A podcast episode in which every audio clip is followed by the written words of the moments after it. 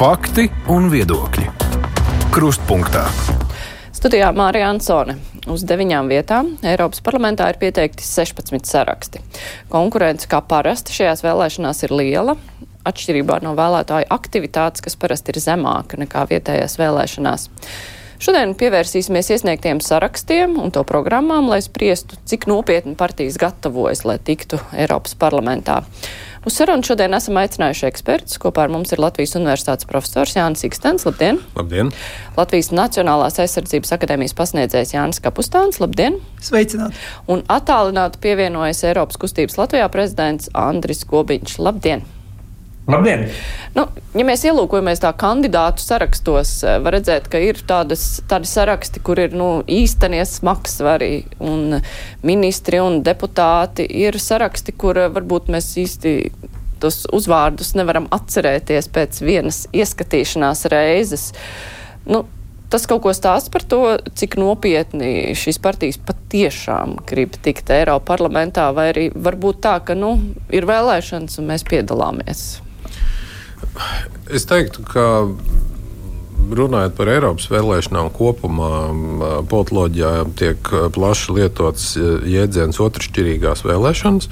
Tas ir īpašs termins, kas uh, ir radīts saistībā ar uh, Eiropas parlamentu vēlēšanām, un vēlāk tas ir uh, pārņemts arī analizējot dažādas citas vēlēšanas tās saknes ir tieši šeit. Es domāju, tas arī raksturo kopumā to uh, nu, teiksim, sajūtu.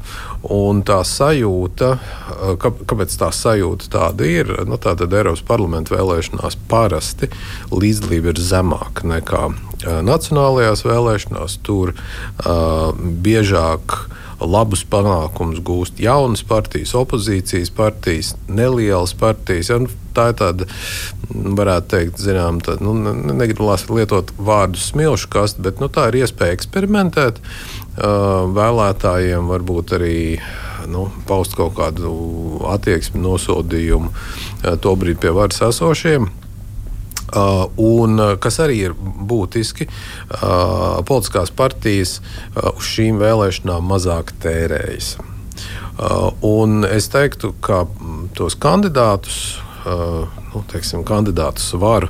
Uh, droši vien arī var mērīt uh, vai interpretēt šajā kontekstā, respektīvi, mm, vai piemēram nu, partija, kas uzliek uh, pilnīgi nezināmus kandidātus, vispār nopietni domā par, par šīm vēlēšanām, vai arī nu, jā, nu, vēlēšanas nāk, nu, kaut kāds saraksts jāuzliek, lai mūs te neizmēdītu pavisam.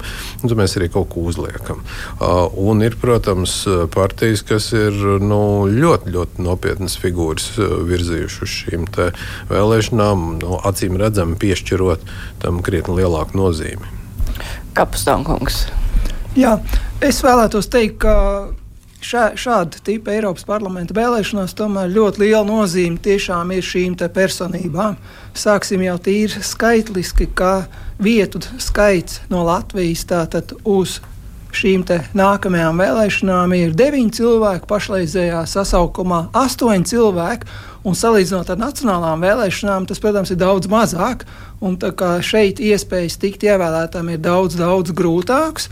Un šeit nederēs tādi kandidāti, nu, kas tiešām ir praktiski nav sabiedrībai zināmi. Un šeit ir vajadzīgs vai nu zvaigznes, vai tādi, kas ievelk iekšā. Un tā kā šeit šīm populārajām figūrām tomēr ir diezgan liela nozīme. Protams, cits jautājums ir, vai šīm populārām figūrām īsti būs ko darīt Eiropas parlamentā, bet nu, tas jau ir nākamais jautājums. Tā kā galvenais ir, ja partija reāli grib tikt ievēlēta, nu, tad viņai tomēr vajadzīgi ir nu, ļoti atpazīstams cilvēks izvirzīt. Gobiņkungs, ja mēs paskatāmies, kā partijas nu, arī adresē kaut kādus paziņojumus vienotrai, nu, tur var redzēt uh, tos uh, divus vēstījumus. Viena ir, ka mēs virzam uz Eiropas parlamentu cilvēkus, kuriem ir pieredze Eiropā. Viņi jau ir tik daudz sasnieguši, un tas ir arī uz vēlētājiem vērs, vērstais vēstījums. Citas tieši otrādi saka, jūs tur esat bijuši tik ilgi un jūs neko nesat izdarījuši, un beidzot ir jānāk kādam, kurš tur nav bijis un kurš tās Latvijas intereses beidzot pārstāvēs. Jautājums ir, kas ir vairāk vajadzīgs, tie, kuri tur ir bijuši vai nav, un uz ko vairāk vēlētāji varbūt var pavilkties? Ui, grūts jautājums vēlētāji paši jau beig beigās noteiks, bet ir patiešām četri dažādi virzieni redzami sarakstos. Ir šie mākslinieku saraksti, tādi ir divi, manuprāt, ir vienotībai, kuriem ir patiešām ārkārtīgi pieredzējuši, arī ļoti daudz sasnieguši un Latvijas un arī Ukrainas labā panākuši cilvēki. Tad ir Nacionālā apvienība ar ļoti spēcīgu sastāvu. Tad ir tas, ir, nu, teiksim, tas pirmais smagsvaru bloks, tad ir nu, esošie deputāti, kas attiecīgi vēlas atkārtot kandidātu un attiecīgi šo arī uzsvaru liek ļoti uz, uz konkrētiem cilvēkiem, Ijabu un uz, uz uh, Ušakovu. Ušakovu to partiju pat uh, attiecīgajā partiju programmā mazāk piemina nekā pašu Ušakovu. Tas izklausās viss kā tāds skaists pastāstīns un acīm redzot arī mērķē un cer, ka tie cilvēki, kuriem patīk Ušakova frizūra vai, vai viņa padarītais, tur par Rīgu daudz ir runāts, visādi brīnumi zilie, ko viņš visu, visu nav Rīgā izdarījis, tad, tad attiecīgi uz tiem cer. Tas būtu otrais bloks, esošie deputāti. Trešais bloks ir tādi, kas cenšas ar populāriem cilvēkiem gūt uz kādu uzmanību. Tur ir, teiksim, visas tās partijas, kas cīnas nu, par vispārīgi par iekļūšanu Eiropas parlamentā. Man liekas, vien, viens otrs arī netiks. Tur ir konservatīvie, kas ar Liānu Langu mēģina tur kaut kādā veidā sev piesaistīt uzmanību. Tur tad ir, eh, ir eh, apvienotais saraksts ar Pozņaku, kam jau laikam ir, ir patiešām jau reālāks iespējas iekļūt. Dēļ tieši Pozņaka pies, piesaistas, un tad ir pār, kas atkal ar Ukrainas kandidātu interesanti izvēli izdarījuši, bet nu kam iespējas laikam iekļūt nav nekādas. Viņi vienkārši mēģina savā veidā nu, palikt cilvēku, piesaistīt cilvēku uzmanību un, un palikt cilvēku prātos. Tātad šis ir trešais bloks, un ceturtais tad ir jaunie censoņi, nu, kur tad ir. Ej, nu sazina, kas, kas no tā būs. Tur ir stabilitāte ar, ar, ar ļoti interesantu cilvēku, kas saka vienu, bet nu, kurie skatās uz partijas sarakstu no līdzinējo darbību, tad atkal liekas, ka tur kaut kāda kognitīvā disonance veidojas starp teikto un, un, un darīto. Un, un, un, un laikam arī aizemnieki būtu pie tiem jauniem censoņiem pieskaitām, kur, kur tāds nu, jauks, jauks jauns cilvēks tiek nominēts. Nu, Acīm redzot, aizemniekiem arī pēc uh, programmas skatoties, šīs vēlēšanas absolūti nav nozīmīgas, jo ja pat gramatikas kļūdas nav izlabotas un, un ir lietas, kas atkārtojās, nu tad acīm redzot, tā uzmanība šīm vēlēšanām nav bijusi nekāda. Varbūt, ja tikai vēl vienu teikumu drīkst noslēgumā pateikt. Dažiem varbūt šķiet, ka tās ir otršķirīgas vēlēšanas, bet ar pirmšķirīgu nozīmi, jo, kā mēs zinām, Eiropa uh, Un šī sadarbība kopā ar citām Eiropas valstīm ir tā, kas patiešām mūsu, tā skaitā Latvijas nākotni noteiks drošībā, ekonomikā, arī finansiālā ziņā.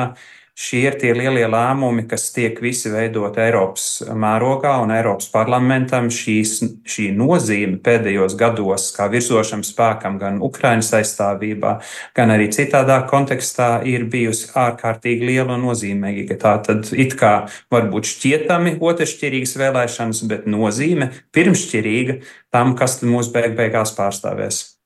Jā, bet ja mēs nu, atmetam tos kandidātus, kur ir mazāk pazīstami, jo kā jau te viss ir daudz, diezgan vienisprāts, ka visu noteiks personālīs, vai cik šie cilvēki ir pazīstami, spēcīgi, bet tajā cīņā pieredzējušie pret jaunajām slotām, kuras nav pieredzējušas, nu, kuram ir lielākas izredzes?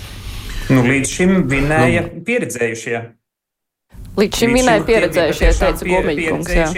Es, es šeit piekrītu, jo viens no aspektiem, ko vēlētājs vērtēs, ir um, attiecīgā kandidāta uh, zināšanas, prasmes, uh, kompetences saistībā ar Eiropas lietām. Ja? Nu, līdz ar to um, ir, ir, ir, ir bezgalīgi jauki, ja nu, teiksim, kāda partija uzliek, piemēram, Ukraiņas, eh, Ukraiņu ja, par savu kandidātu, kā pirmo numuru.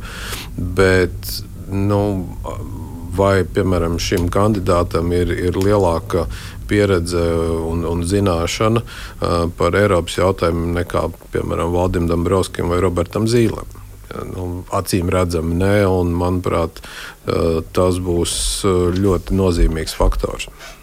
Bet uh, arī vairākas reizes jau izskanēja par uh, nu, vēlētāju neinteresētību šajās vēlēšanās, kas nozīmē maz vēlētāju aktivitāti. Un Latvija ir uh, apmēram 33%. Tas nozīmē, ka ir vajadzīgs mazs nu, cilvēku skaits, lai ievēlētu vienu deputātu, un tā arī tika izskaidrots, kāpēc Tatjana Ždanoka iekļuva iepriekšējā Eiroparlamentā, jo Krievu Savienība, nu, saimā nevarēja pārvalē, pārvarēt 5% barjeru, toties uz Eiroparlamentu nostartēja tīri veiksmīgi. Tagad viņi kandidēt vairs nevar. Krievijas Savienība vispār neparādās šajos sarakstos, bet divi cilvēki no Rīgas domas at, ir eh, ies, ielikti centra partijas sarakstā. Tur ir arī norādīts viņu programmā, ka viņi turpinās eh, Tatjanas Ždanokas eh, aizsāktos darbus. Tur ir tāds tā kā mantojums jau norādīts. Bet, protams, tur ir arī daudz citu cilvēki. Kurš kura elektorāta, ne, pareizāk sakot, kurš saraksts pārņems Tatjanas Danokas vēlētājus, jo tas bija pietiekami daudz, pietiekami liels cilvēku lokus, lai kādu varētu ievēlēt. Centra partiju šie vēlētāji varbūt arī neatpazīs. Ir grūti pateikt. Ir vēl, ir vēl uh, Latvija pirmajā vietā, kas arī mazliet uh, darbojas ar tiem pašiem argumentiem, ar kuriem uh, uh, ir darbojusies uh, Krievu Savienība, tomēr viņiem nepārklājas tas vēstījums. Tur ir mazliet cits nianses. Ir arī partijas saskaņa, kuras programma atšķirībā no daudzām citām nav ir likts akcents uz aizsardzību. Tur ir pieminēts Krievijas sāktais karš Ukrainā, bet nu tikai tik daudz, kā atbalsta Eiropas Savienības kopējo nostāju un rīcību, lai būtu miers Eiropā, un toties ir pieminēts Krievu valodā runājušo Eiropiešu tiesības. Nu, un eh, gal galā ir stabilitātei, kur, kā jau mēs dzirdējām, nav pazīstamu seju. Uz kurien aizies tās balsis? Es domāju, ka tās balsis uh, sadalīsies. Tur nebūs tāda vienota, vienota kaut kāda uh, nu, strauma. Bet ko es gan gribētu uzsvērt, nevajadzētu iedomāties, ka tagad, kad uh, Ždanoka nekandidē, uh, pēkšņi. Uh, nu, tā, tie cilvēki, kas par viņu balsoja iepriekš, nu, tagad uh, šņukstēs mutautiņā. Ja? Tātad, uh, pirmkārt, uh, Ždanoka visticamākais tiks izmantot centra partijas priekšvēlēšana kampaņā. Tas jau ir nolasāms arī no tiem, tās pašas priekšvēlēšana platformas, kur ir atsauce uz viņu. Un, līdz ar to viena prāva daļa noteikti saglabās lojalitāti un balsos par centra partiju.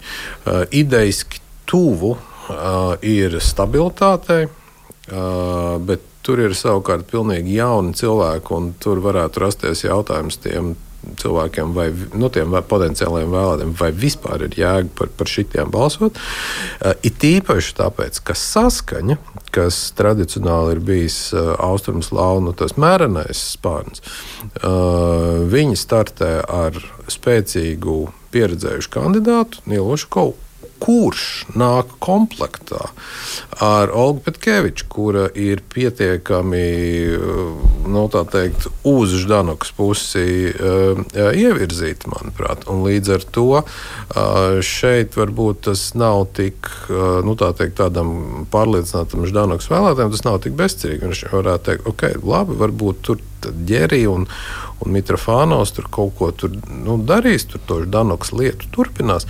Bet vai viņiem ir šāds? Ja? Un reku varbūt pat Nīlu labāk nobalsot, ielikt pēc Kevičai plusiņu. Tā, manuprāt, būtu diezgan saprotama stratēģija.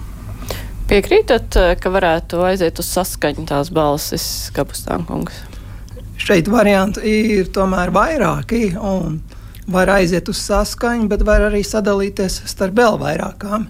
Un es domāju, nu, tad arī, ieguvējs gal galā nebūs neviens, jo tur jau var arī tas ir iespējams. Iepriekšējās vēlēšanās uh, par Krievu vēlētāju teiksim, balsīm parasti, kad, kad trīs mandāti tika iegūti. Un jūs jau teicāt, ka Ždanoka parasti nu, tika, kā saka, knapi, knapi iekšā, izmantoja to, ka diezgan pamazs vēlētāji ieradās nobalsot. Un tagad varētu arī citas, balss, citas partijas tomēr piesaistīt šo vēlētāju. Es domāju, varbūt arī Stepaņēnko un tā. Es domāju, ka viņai nav liels izredzes tikt ievēlētai, bet kaut kāds balss atkal aiziet tur? Un tās balss sadalās. Un tā kā to īstenībā jau parādīs tikai pašas vēlēšanas, bet faktiski eh, Krievu vēlētājiem ir diezgan arī liela konkurence. Un te ir jautājums arī, nu, pa kādu, pa kādu Krievu vēlētāju balsot. Pa Krievu vēlētāju, kas vismaz oficiāli sev uzskata par La Latvijas aizstāvjiem, nu, teiksim, arī Latvija pirmajā vietā, vai ne, tur arī ir, teiksim, viņa balsis. Vai arī, teiksim, jau ir šis jau pacelts jautājums par Krievijas pilsoņiem. Tātad Petkevičs, Krievijas pilsoņi, tas atkal ir kaut kas pilnīgi cits, vai ne?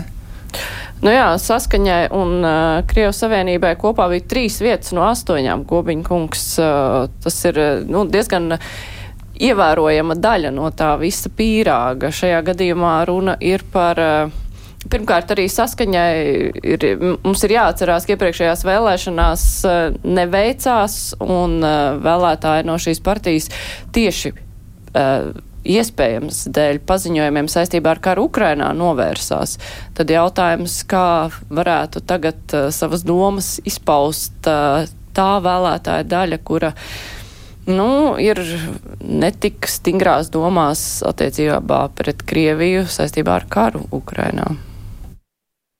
Nu, viens no svarīgiem komunikācijas kanāliem, pirmais kanāls, ir eh, tā atšķirība, kas vairs nav šīs vēlēšanās, kas iepriekšējās vēl bija, uzrunāt vecāka gadagājuma eh, klientūru vēl pirms eh, tātad iepriekšējās vēlēšanās, pirms iepriekšējām vēlēšanām bija vienkāršāk nekā tas ir šobrīd. Tādējādi lielāka nozīme noteikti tam, kas notiek sociālajos tīklos, visos tiktokos un tā tālāk, kur īsnībā visas trīs demokrātijai un arī Eiropas eh, sadarbībai manuprāt, krietni vien naidīgās un, un pretrunīgās šīs partijas ir eh, diezgan eh, spēcīgi uzdarbojušās un cenšas vienu otru pārspēt, un es ņemtu šitiem laivā patiešām arī Šlesera eh, partija, kas, kas ir Eiropai un, un manuprāt, tādējādi arī Latvijai ne īpaši draudzīga. Bet, eh, ja skatāmies un jau var ticēt tam, kas ir rakstīts eh, vēlēšanu programmā, tad, pa, programmās, tad uz šo auditoriju patiešām vairāk cierē, manuprāt, Ušakova partija, kur jau pirmajā teikumā tur ir runa par cilvēku tiesībām un, un ko tur visu, kas eh, attiecīgai auditorijai varētu būt, varētu likties tādi atpazīstami vārdi, kur, kuros viņi sev saredz sadzird. Savukārt tas, kas ir stabilitātei, nu tie tomēr mēģina drusku citu, viņi sev mēģina tādā kā aitas kažociņā par ļoti eiropeiskiem draugiem un, un lieliem veidotājiem padarīt. Tur kā pirmais teikums ir par neatkarību un, un, un, un brīvību un, un cīņu par, par šiem, kas, kas nu savukārt šo varbūt tās auditorija, kas bija Tatjānai Ždanokai iepriekš neuzrunā tik dikti, cik, cik kā tie, tie, tie teikumi, kurus Ušakovs ir noformulējis pie sevis. Plus tas viso kombinācijā ar personālijām, kur, kur Petkevičs patiešām Daugavpilī ir pietiekami pazīstam un droši vien arī jau citādā veidā arī plašākai Latvijai pazīstam ar tādu Ždanokisku līniju nu, tad eh, acīm redzot, tur tā, vai tas ir nolūks sadalīts, vai tā tas ir sagadījies, ka, ka saskaņa paņem šo radikālo virzienu un, un stabilitāti mēģina kaut kādā veidā citādāk, ej nu sazina, bet, bet nu, vismaz pēc programmām un pēc cilvēku sarakstā šobrīd šķiet. Saskaņas programmā ir minētas Krievi, Krievu valodā runājošo Eiropiešu tiesības pieminētas, un uh, tur ir arī norādīta nepieciešamība stiprināt Krievu valodā runājošo eiropeisko identitāti. Nu, šādas lietas, kas ir pieminētas saskaņas programmā, vai tas liek domāt, ka viņi, nu, tā kā gribētu atgūt iepriekšējos vēlētājus, kurus pazaudēja pēc uh, iepriekšējās saimas vēlēšanās, komplektā ar tiem kadriem, kas ir sarakstā.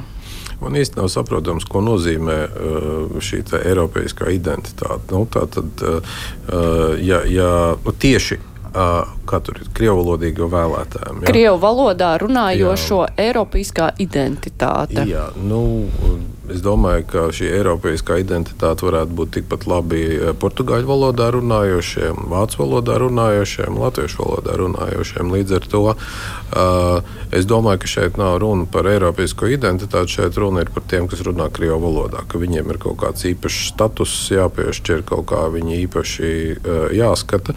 Bet man ir ļoti grūti iedomāties, ka Eh, nu, tas varētu atrast eh, īpaši dzirdīgas ausis kaut kur Eiropā. Eh, pirmkārt, otrkārt, tā ir pilnīgi viennozīmīgi nu, ziņa vēstījums um, Latvijā mītošajiem pilsoņiem. Uh, nu, mēs par tiem, kas runā krievu valodā. Uh, manuprāt, tas ir tāds, nu, vienkārši tāds, tāds kaut kāds skaists frāze, ja, bet uh, konkrētais vēstījums tur ir pilnīgi cits. Es gribētu šeit noteikti norādīt to, ka jautājums par katras dalību valsts oficiālo valodu tas ir viennozīmīgi katras valsts teiksim, nu, lemšanā, teikšanā. Tur ar Eiropas institūcijām nav nekāda sakara. Un tā tad uh, paplašināt uh, Krievu valodā teiksim, kaut kādas tiesības un viss. Tas ir diezgan bezcerīgi. Protams, tas jauki skan, bet tas ir diezgan bezcerīgi. Un, un šīs ir tās lietas, pamatlietas, ko katra valsts pati risina. Protams, ka varbūt Krievijas interesēs un tie, kas simpatizē Krievijai, būtu ļoti liels intereses, kā arī Krievu valodu iegūt oficiālo valodu Eiropas Savienībā. Bet, lai tas notiktu, tad ir kādai no dalību valstīm ir jāpieņem Krievu valoda kā oficiāla valoda. Nu, mēs zinām, ka mums valodas referendums mums tas negāja cauri. Un vēl viens aspekts ir, runājot par tiem Krievijas pilsoņiem, pa kuru nu, tagad tiesībām iestājās, neaizmirsīsim, ka Krievijas pilsoņi diezgan pārliecinoši arī Latvijā ir balsojuši par Vladimiru Putinu un principā atbalsta esošo Putina režīmu un arī kāru. Nu, tie ir Krievijas pilsoņi, bet uh, tad šī frāze programmā varētu būt nodeva uh, krieviski runājošiem Latvijas pilsoņiem, kuri balsos Eiropas uh, parlamenta vēlēšanās, lai arī tur neko nevar izdarīt, bet uh, tāda kā atgādne, ka mēs par jums domājam. Principā, jā, nu, protams, varbūt ne tāda nodeva, bet uh, viņi mēģina, teiksim, mobilizēt uh, šo te vietējo Krievu vēlētāju, bet la, labi zinot, ka īstenībā Eiropas parlamentā, nu, tur nekas netiks lēmts par krievu valodas pilnvaru paplašināšanu. Tas absolūts, teiksim, Nonsens. Bet mēs joprojām varam uzskatīt, ka krievu valodā runājušie vēlētāji ir tie, kurus labi izdodas mobilizēt Eiropas uh, Savienības vēlēšanās. Redzot, uh, ka tam nu, saskaņai un Krievijas Savienībai nu, bija labi rezultāti kopā ņemot. Un tas, tie labie rezultāti bija iepriekšējās vēlēšanās, kad uh, zibens ātrumā divi Rīgas smagsvari, Nils Ušakovs un Andris Amerikas. Kurš tagad ir aizmirsts? Jā, jo viņš ir teicis, ka viņš nekur nekandidēs. Mm. Ja? Ka viņi pieslēdzās šai vēlēšanu kampaņai burtiski pēdējā brīdī. Un es pieņemu, ka uz tā viļņa viņi arī dabūja to, to lielo atbalstu. Tā, principā, es teiktu, ka no šīm austrumslāvu partijām parasti ir ceturtā daļa no, no, no, no, no vietām, no balsīm. Tā kā, nu, teiksim, tas ir Ždanoka un saskaņa kopā. Ja. Es, es varbūt nu, tik, tik ļoti to neakcentētu. Es domāju, ka tie cilvēki, kas nu, tātad, aiziet nobalso. Restīvi, nu, potenciālais atbalstītāju, tajā potenciālajā atbalstītāju lokā atbirums man šķiet ir vienlīdz liels kā, kā teiksim, nezinu, nu, vienotībai un, un, un, un, un saskaņai. Ja, tad tur beigās visticamākais tas, tas akcents ir tieši uz personālajām. Ja, nu, kur personāla izrādās tāda jaudīgāka, par to arī nu, tas mazumiņš, kas aiz, aizčāpos uz vēlēšanām, nu, arī vairāk nobalsos. Es vēl ļoti ātri gribētu piebilst, ka tomēr tā kā 22. gada 24. februārī sākās Krievijas karš Ukrainā, tad tas ir ietekmējis arī šo krievu vēlētāju, kas tomēr ir sašķelts. Un tā no tāda viedokļa nu, ir grūti iedomāties uz teiksim, ļoti lieliem panākumiem. Tas, kur viņiem bija panākumi agrāk, nu, tad viņiem bija arī teiksim, nacionālajā politikā labāk panākumi. Bet tagad es neprognozētu ļoti augsts teiksim, panākums. Bet šeit īstenībā šīs kampaņas kontekstā ir, ir viena no interesantākajām lietām ir tieši saskaņa. Jo saskaņa, kā mēs atceramies, 22. gadā faktiski mēģināja vilkt to mērno līniju. Nu, teikt, dabūja pa biksēm saimnes vēlēšanās, tāpēc, un, tāpēc Rosļakovs ir, ir, ir šobrīd saimā. Un tagad izskatās, ka viņi atkal drusku revidē savu politisko kursu, ja caur Petkeviču šo piesaisti. Un te būs ļoti interesanti redzēt, kādi būs tie rezultāti, kādi tie cilvēki, kādi būs tie cilvēki, kas par viņiem nobalsos, par viņu te, tie politiskie uzskati, ja, un ko tas nozīmēs vispār šai te, uh, austrumslāvu kopienai politiski Latvijā. Ja, un kā veidosies līdz ar to arī attiecības starp, starp latviešiem un, un austrumslāviem? Govinkungs, jūs piekrītoši mājāt ar galvu runājot par to, ka saskaņa ir kā, nolēmusi mainīt uh, savu, nu, negluži kursu, bet uh, kā, spērus solīt atpakaļ uz iepriekšējo politiku. Tā šķiet, jā. Diemžēl. Jā, nu labi, bet uh, mēs runāsim arī par atsevišķiem programmatiskiem virzieniem mazliet plašāk. Es tikai atgādināšu, ka šodien mūsu studijā ir Latvijas Universitātes profesors Jānis Ikstens, Latvijas Nacionālās aizsardzības akadēmijas pasniedzējs Jānis Kapustāns un attālināt pievienojies Eiropas kustības Latvijā prezidents Andris Gobiņš. Mēs tūlīt turpināsim. Raidījums Krustpunktā. Jā, es atkal vērsīšos pie Gobiņa kunga, runājot par programmām. Tā, nu, ļoti virspusē pārskatot tās, var redzēt, ka daļā ir uzsvars uz drošības un aizsardzības jautājumiem, ņemot vērā ģeopolitisko situāciju ļoti saprotami. Ir tādas, kam ir uzsvers uz enerģētiku, tas ar saprotams pieaugušo cenu dēļ.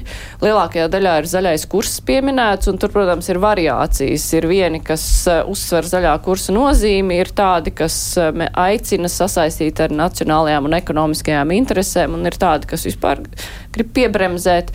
Aizmirst nav arī migrācija, birokrātijas mazināšana.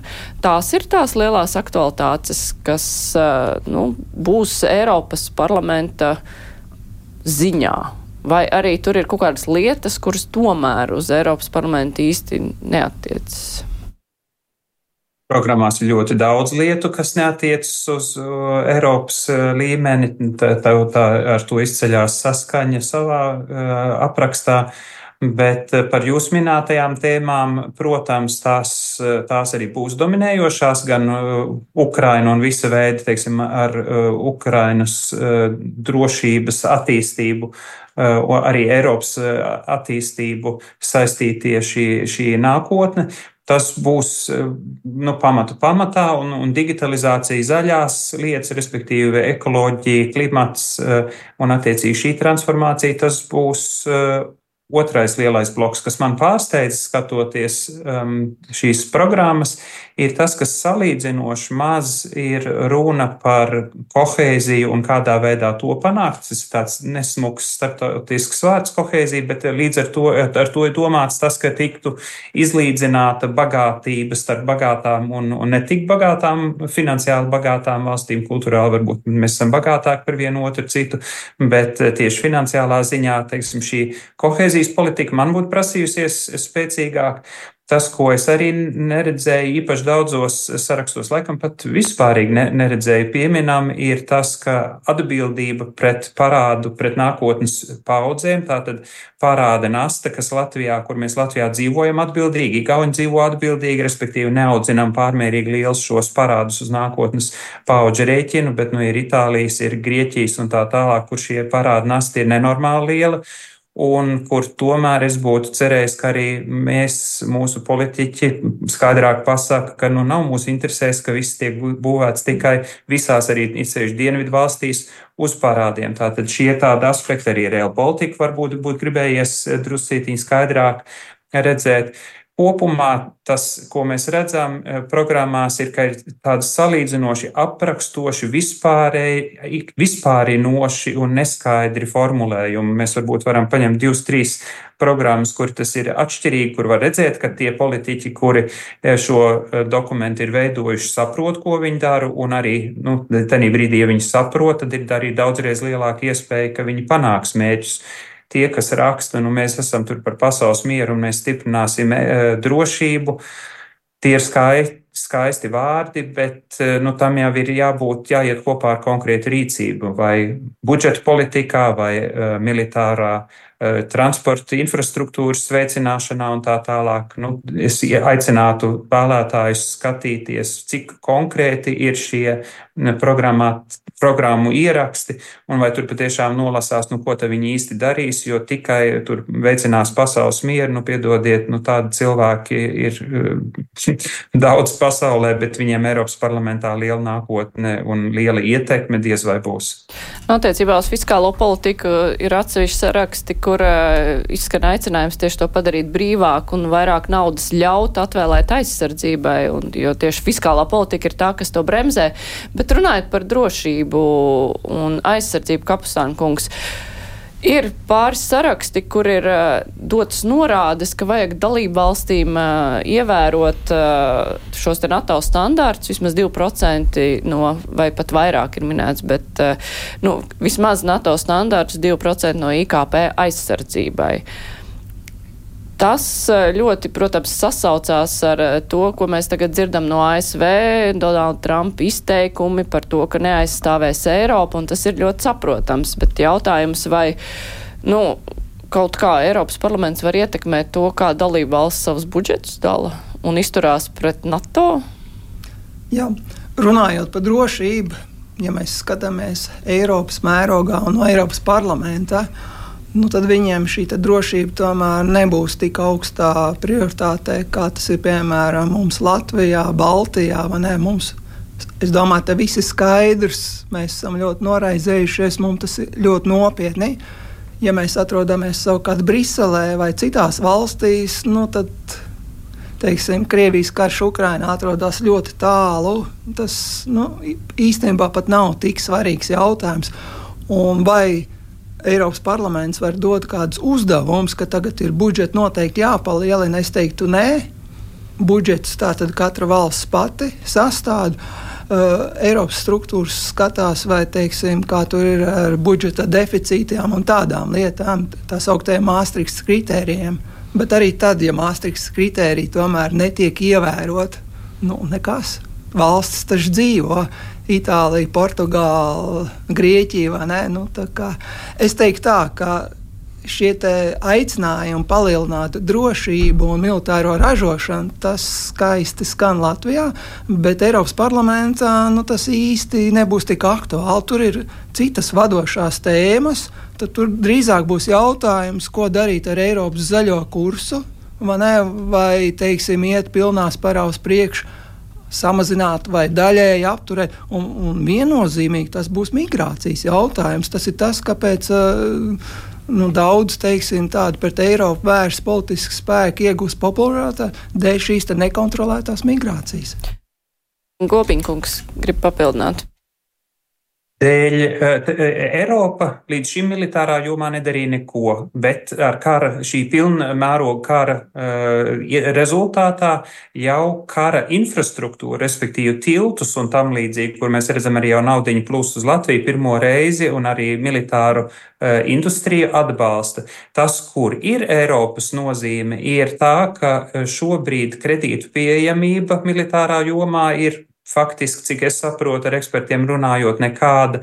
Un tas ir tiešā veidā saistīts ar, ar dažādiem, ap, dažādām aprēķinu sistēmām, kur, kur arī e, Eiropas, ja, nu, ja es nemaldos, tad arī Eiropas līmenī šīs aprēķinu sistēmas, kas kādā veidā tiek uzskatīts par risku drošu, nedrošu investīciju zaļu, nezaļu, ka šādā veidā visnotāļ to var veicināt. Un man liekas, bija vienā vai divos arī politiskajos programmu sarakstos tieši te, šī kredīta pieejamība militārai jomai pieminēta.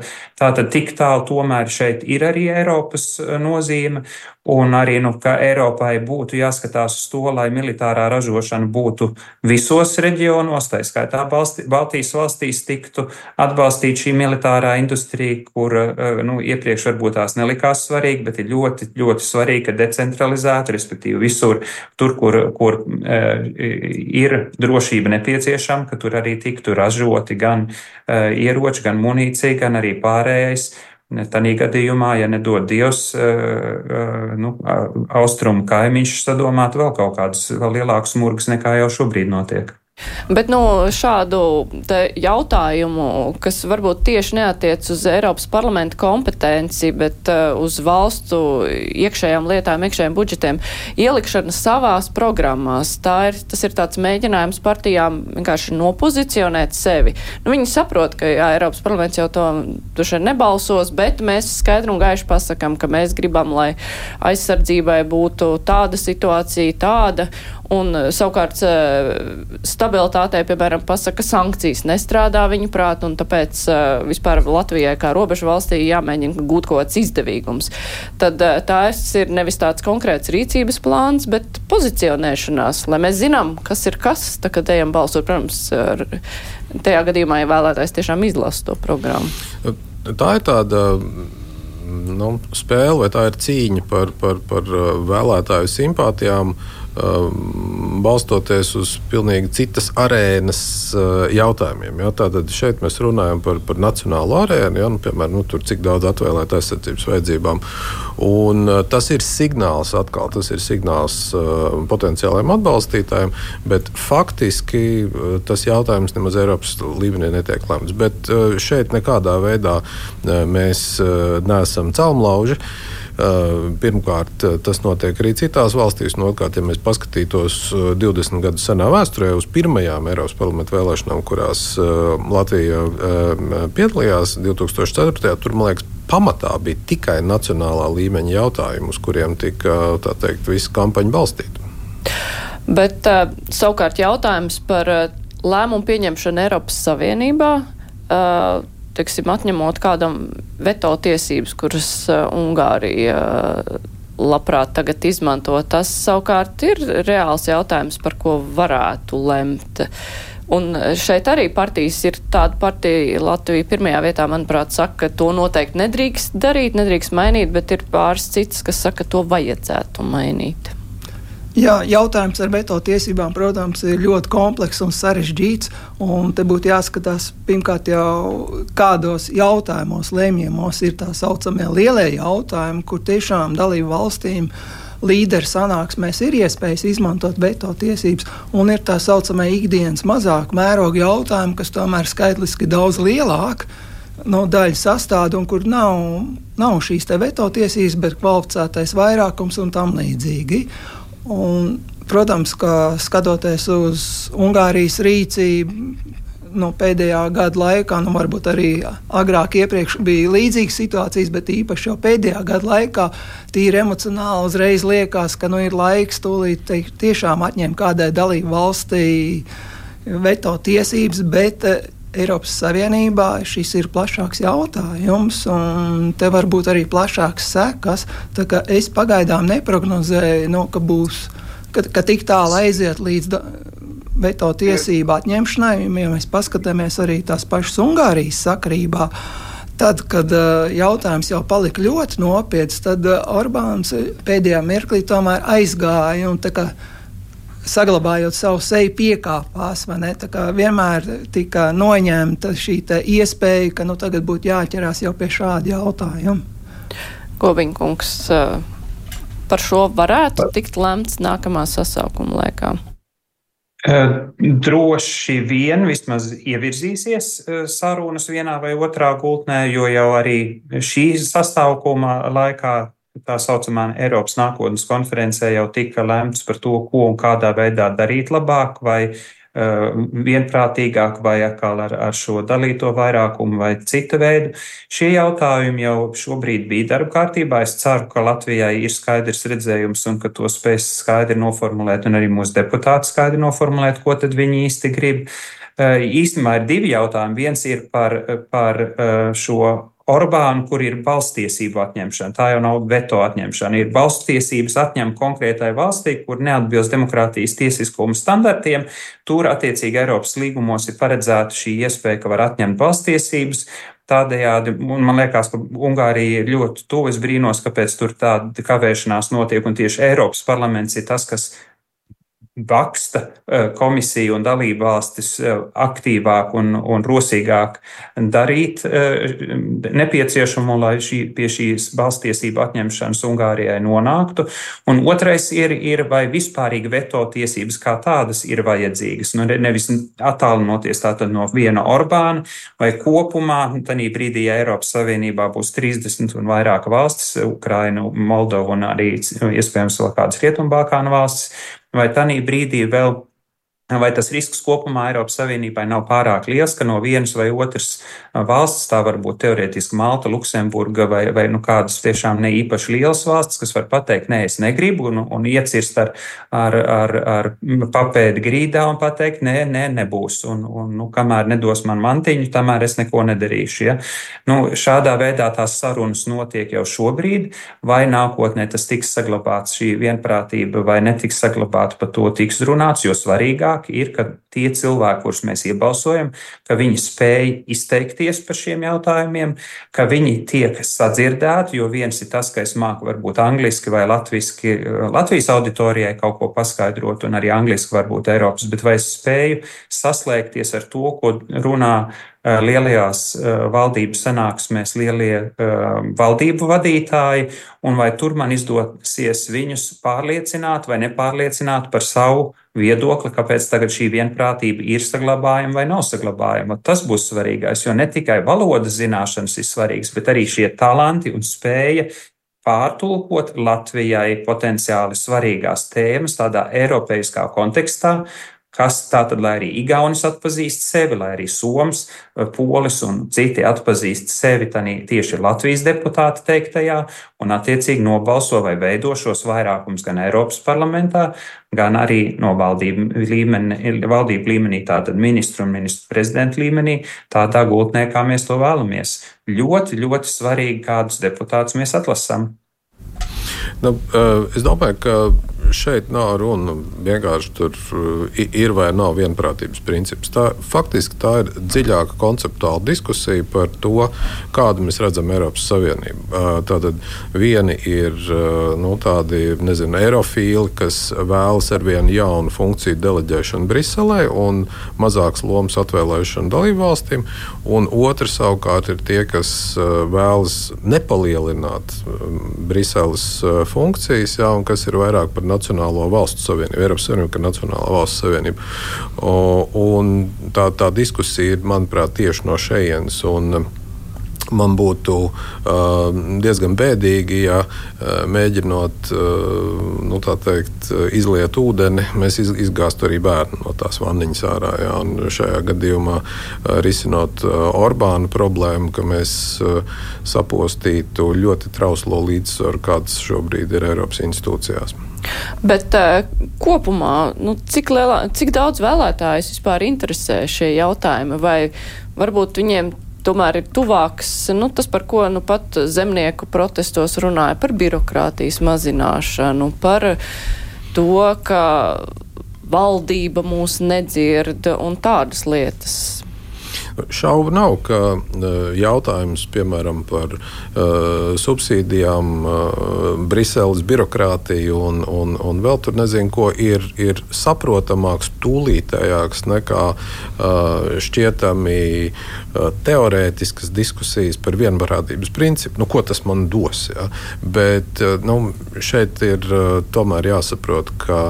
Uh, tā nav kaut kāda sīka procedurāla lieta. Ir jāatcerās, ka Latvija ir neliela valsts, Latvijai ir savas intereses, un Latvijai nav tikai vienmēr jāpakļaujas tam, ko grib Vācija vai Francija vai kurš tur. Ja? Uh, Latvijai ir savas intereses, viņai ir tiesības uzturēt savas intereses. Uh, un līdz ar to būtu muļķīgi atteikties no šīm iespējām kaut kā ietekmēt lēmumus. Es negribu šeit vilkt paralēlus ar Ukrajinu un atomieročiem, ja, bet nu, kaut kā tādu paralēlu uz, uzjundību. Bet uh, kopumā nu, tā tendence, ka lai Brisele beidz diktēt noteikumus, ka mums ir pašiem jāsāk diktēt kaut kādi noteikumi. Nu, tā tendence paliek izteiktāka, vai tas tā ir bijis vienkārši vienmēr, Gobiņkungs? Diktēts netiek. Tie cilvēki, kas šādu veidu terminoloģiju izmanto savās programmās, un tādu, diemžēl, netrūkst, ir populisti un cilvēki, kas nesaprot, kam viņi ir pieteikušies, jo lēmumi tiek pieņemti kopīgi. Latvija sēž pie galda. Latvija ar spēcīgiem un gudriem deputātiem veido nevis tikai aizstāvās, bet veido aktīvu Eiropas politiku, un, un par diktātu ir vienkārši faktoloģiski nepareizi runāt. Tas, kas ir svarīgi, ir patiešām šīs Latvijas intereses definēt. Es arī neesmu fans tam, ka uh, vienprātības princips tiktu atcelts. Manuprāt, patiešām ir pietiekami daudz instrumentu, tā skaitā balstiesību atņemšanu uh, Ungārijai, piemēram, kas uh, šobrīd jau pašreizējā likumdošanā ir iespējama. Tās iespējas vienkārši ir jāizmanto un ir konsekventāk jāpieturās pie tām prasībām, ko paši mēs sev kopīgi ar pārējām valstīm esam uzlikuši. Un tomēr, vai tas izskan plašāk un biežāk, ne tikai Latvijā, arī citur nepakļauties Briseles diktātam? Es to lieku pēdiņās, Jā. jo tas ir jau citāts. Nu, tas ir ļoti populārs sauklis, nepakļauties Briseles diktātam, bet, kā kolēģis jau teica, Eiropas Savienība tie esam arī mēs, un tie ir arī mūsu deputāti, kas veido gan deputāts, gan teiksim, citas institūcijas, kas veido šo kopējo Eiropas Savienības politiku, jo nav Latvija un Eiropas Savienība kā kaut kas ārējs, bet Latvija ir kā Eiropas Savienības sastāvdaļa. Tālāk runājot par šo balstiesību ierobežošanu Eiropas Savienībā, īstenībā precedents jau ir bijis 2000. gadu sākumā. Austrijai tika ierobežotas balstiesības, kad pie varas koalīcijas formātā nonāca brīvības partija. Faktiski kaut kas tāds jau ir bijis. Nu, es gribu teikt, ka šeit faktiski Latvijas interesēs tiešām nebūtu atteikties no veto tiesībām. Nu, kā mazai valstī, mazas valsts vienmēr ir ieinteresētas uzturēt šādas veto tiesības. Un runājot par Eiropas Savienību kopumā, nu, Daudz kas tiek eh, risināts ar tā saucamo nu, budžetu vai fondu pieejamību. Un drīzāk, teiksim, ja ir kādas problēmas, tad valstī var samazināt fondu pieejamību, kā tas ir bijis gan Ungārijai, gan Polijai. Bet politiski tiešām ir jābūt ļoti uzmanīgiem. Un te jau ir tas kā, līdzsvars, ko arī profesors Ikstens teica, nu, ka ir divas dažādas atšķirīgas tendences, vai nu vairāk Eiropas Savienība kopēji vai mazāk, kā katrai valstī atsevišķi. Nu, šeit arī šī līdzsvars tomēr ir jāsaglabā. Vēl viens jautājumu lokus. Mums ir ļoti maz laika palicis, bet arī publiskajā telpā ļoti maz salīdzinoši ar iepriekšējām vēlēšanām par to runā. Tas ir migrācijas problēmas programmās. Tas parādās pieminēts, ka vajag tā teikt, ne, neļaut šo te nekontrolēto migrāciju un uh, nevajag kvotas un vispārējo. Tas ir, bet publiski par to runā salīdzinoši mazāk. Kāpēc tas tā ir? Tas nav aktuāls jautājums, vai vienkārši ir citas lietas, kas mūs uztrauc vairāk? Es nezinu, nu, šķiet, ka tas, tas lēmums jau arī nāca tādā pirms Ziemassvētku situācijā, un tad varbūt bija kaut kas cits svarīgāks pēc tam vēlāk. Uh, nu, šķiet, ka uh, mēs laikam to migrāciju vairāk uztveram. Nu, tajā Baltkrievijas kontekstā, ja, tā nelegālā robeža čērsošana, bet nu, teiksim, tur, teikt, Lampedūzas iemītnieki mūs neuztrauc. Varbūt, es, es, tā ir tāda mana spekulācija, varbūt, ka uh, viena daļa cilvēku dzīvo tādā uh, labā ticībā. Nu, labi, tur tur tie visi, kas, kas pārgāzās pāri Baltkrievijas robežai, nu viņi jau kaut kur pēc tam aizplūda projām, tālāk kaut kur tur uz Vācijas lielajiem pabalstiem. Nu, tagad noteikti jau tāpat būs. Ja? Uh, Nu, vai tā būs, vai tā nebūs, uh, nezinu. Uh, neesmu par to pārliecināts. Un tajā brīdī, kad mēs nu, attapsimies pie šī jautājuma, un tas galīgi nav vienkārši jautājums, kā mēs to redzam katru dienu, burtiski no Rietumē Eiropas galvaspilsētām, tad tā interese varētu stipri paaugstināties. Gobiņkungs. Manuprāt, eh, aprīlī, martā varam rēķināties uz to, ka Krievija atkal uzdarbosies gan uz savām robežām, gan caur Baltkrieviju netiešā veidā, gan arī Sīrijā atkal ar kārtējām bumbošanām un tā tālāk, iespējams arī vēl kādā uh, Ziemeļa Āfrikas valstī, lai migrācijas plūsmas uh, un šo tematiku atjaunotu, jo Putina interesēs ir, ka mēs runājam par migrāciju un ka radikālie spēki kas it kā vārdos ir pret migrāciju, ka tie iegūst lielāku skaitu Eiropas parlamenta vēlēšanās.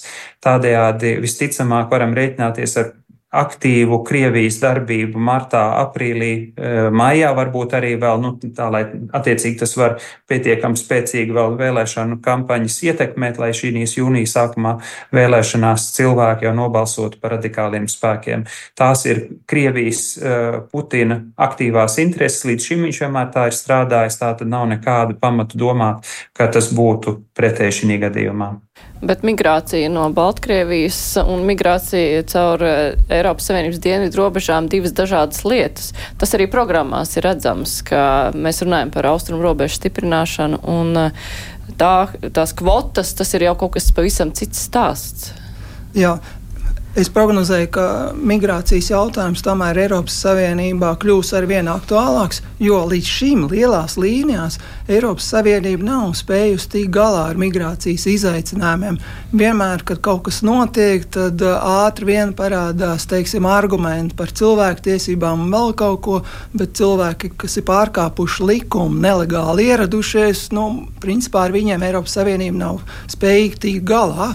Un rezultāti Francijā, Vācijā, Nīderlandē, tajā pašā Ungārijā un citur rāda, ka to vairs nevar ignorēt. Ja to ignorēs, tad tiešām galēji labēji spēki, teiksim, atklāti pārņems varu un Eiropas Savienībai, kas līdz šim ir bijusi ļoti mīksta attiecībā uz migrāciju, nespējīga, nu, tomēr būs kaut kāda risinājuma jāmeklē. Gobiņkungs, ja var ļoti īsi pusminūtītē. Ir ļoti svarīgi, eh, ka migrācijas aprēķini tiktu veikti pareizi, ka, mēs, eh, ka šajos aprēķinos tiktu ņemt vērā arī jau tie migranti, kas šeit nu, mums ir eh, vēl no okupācijas laikiem, un šo cilvēku integrācija pie tā ir jāstrādā. Arī tieši tam dēļ ir spēcīgi vajadzīgi kandidāti, kas spētu to ietulkot oficiālos Eiropas dokumentos, lai gadījumā, ja ir šīs sadalīšanas atslēgas, lai attiecīgi šie integrācijas faktori tikti ņemti vērā. Jā, nu, skatīsimies, kāds jautājums tiks risināts jau Eiropas eh, parlamentā programmās. Tas pagaidām viss ir tā pietiekoši vispārīgi pieminēts, bet uh, Es teikšu paldies Jānis Ikstens, Latvijas universitātes profesors, eh, Jānis Kapustāns, Latvijas Nacionālās aizsardzības akadēmijas pasniedzējs un Andris Gobiņš, Eiropas kustības Latvijā prezidents. Rīt krustpunktā mans kolēģis Aits Tomsons turpinās eh, vienu sadaļu, ko mēs jau aizskārām. Tā ir aizsardzības tēma, jo arvien skaļāk no Eiropas politiķiem pēdējā laikā izskan, ka Eiropai pašai var nākties sevi aizsargāt pret Krieviju, jo ASV mūs var neaizsargāt, ja nu kas notiek. Un tad eh, kolēģis pētīs, kas ir mūsu mājas darbi, lai nodrošinātu Eiropas aizsardzību un vispār cik būtiski ir gatavoties šādiem scenārijiem. Mēs te vairāk apspriedām par to, ko var darīt Eiropas parlaments vai nevar darīt Eiropas parlaments, bet, nu, Aidim, protams, tā saruna būs krietni plašāka, vērtējot uh, gan iespējas, riskus un visu pārējo. Jā, es saku paldies visiem diskusijas dalībniekiem. Raidījums ar to arī izskan. Raidījuma producente ir Ieva Zēza, studijā bija Mārija Ansone. Raidījuma atkārtojumā jūs vienmēr varat klausīties pēc deviņiem vakarā vai ļoti labi var ielādēt arī Latvijas radio aplikāciju un klausīties tur. Vislabāk!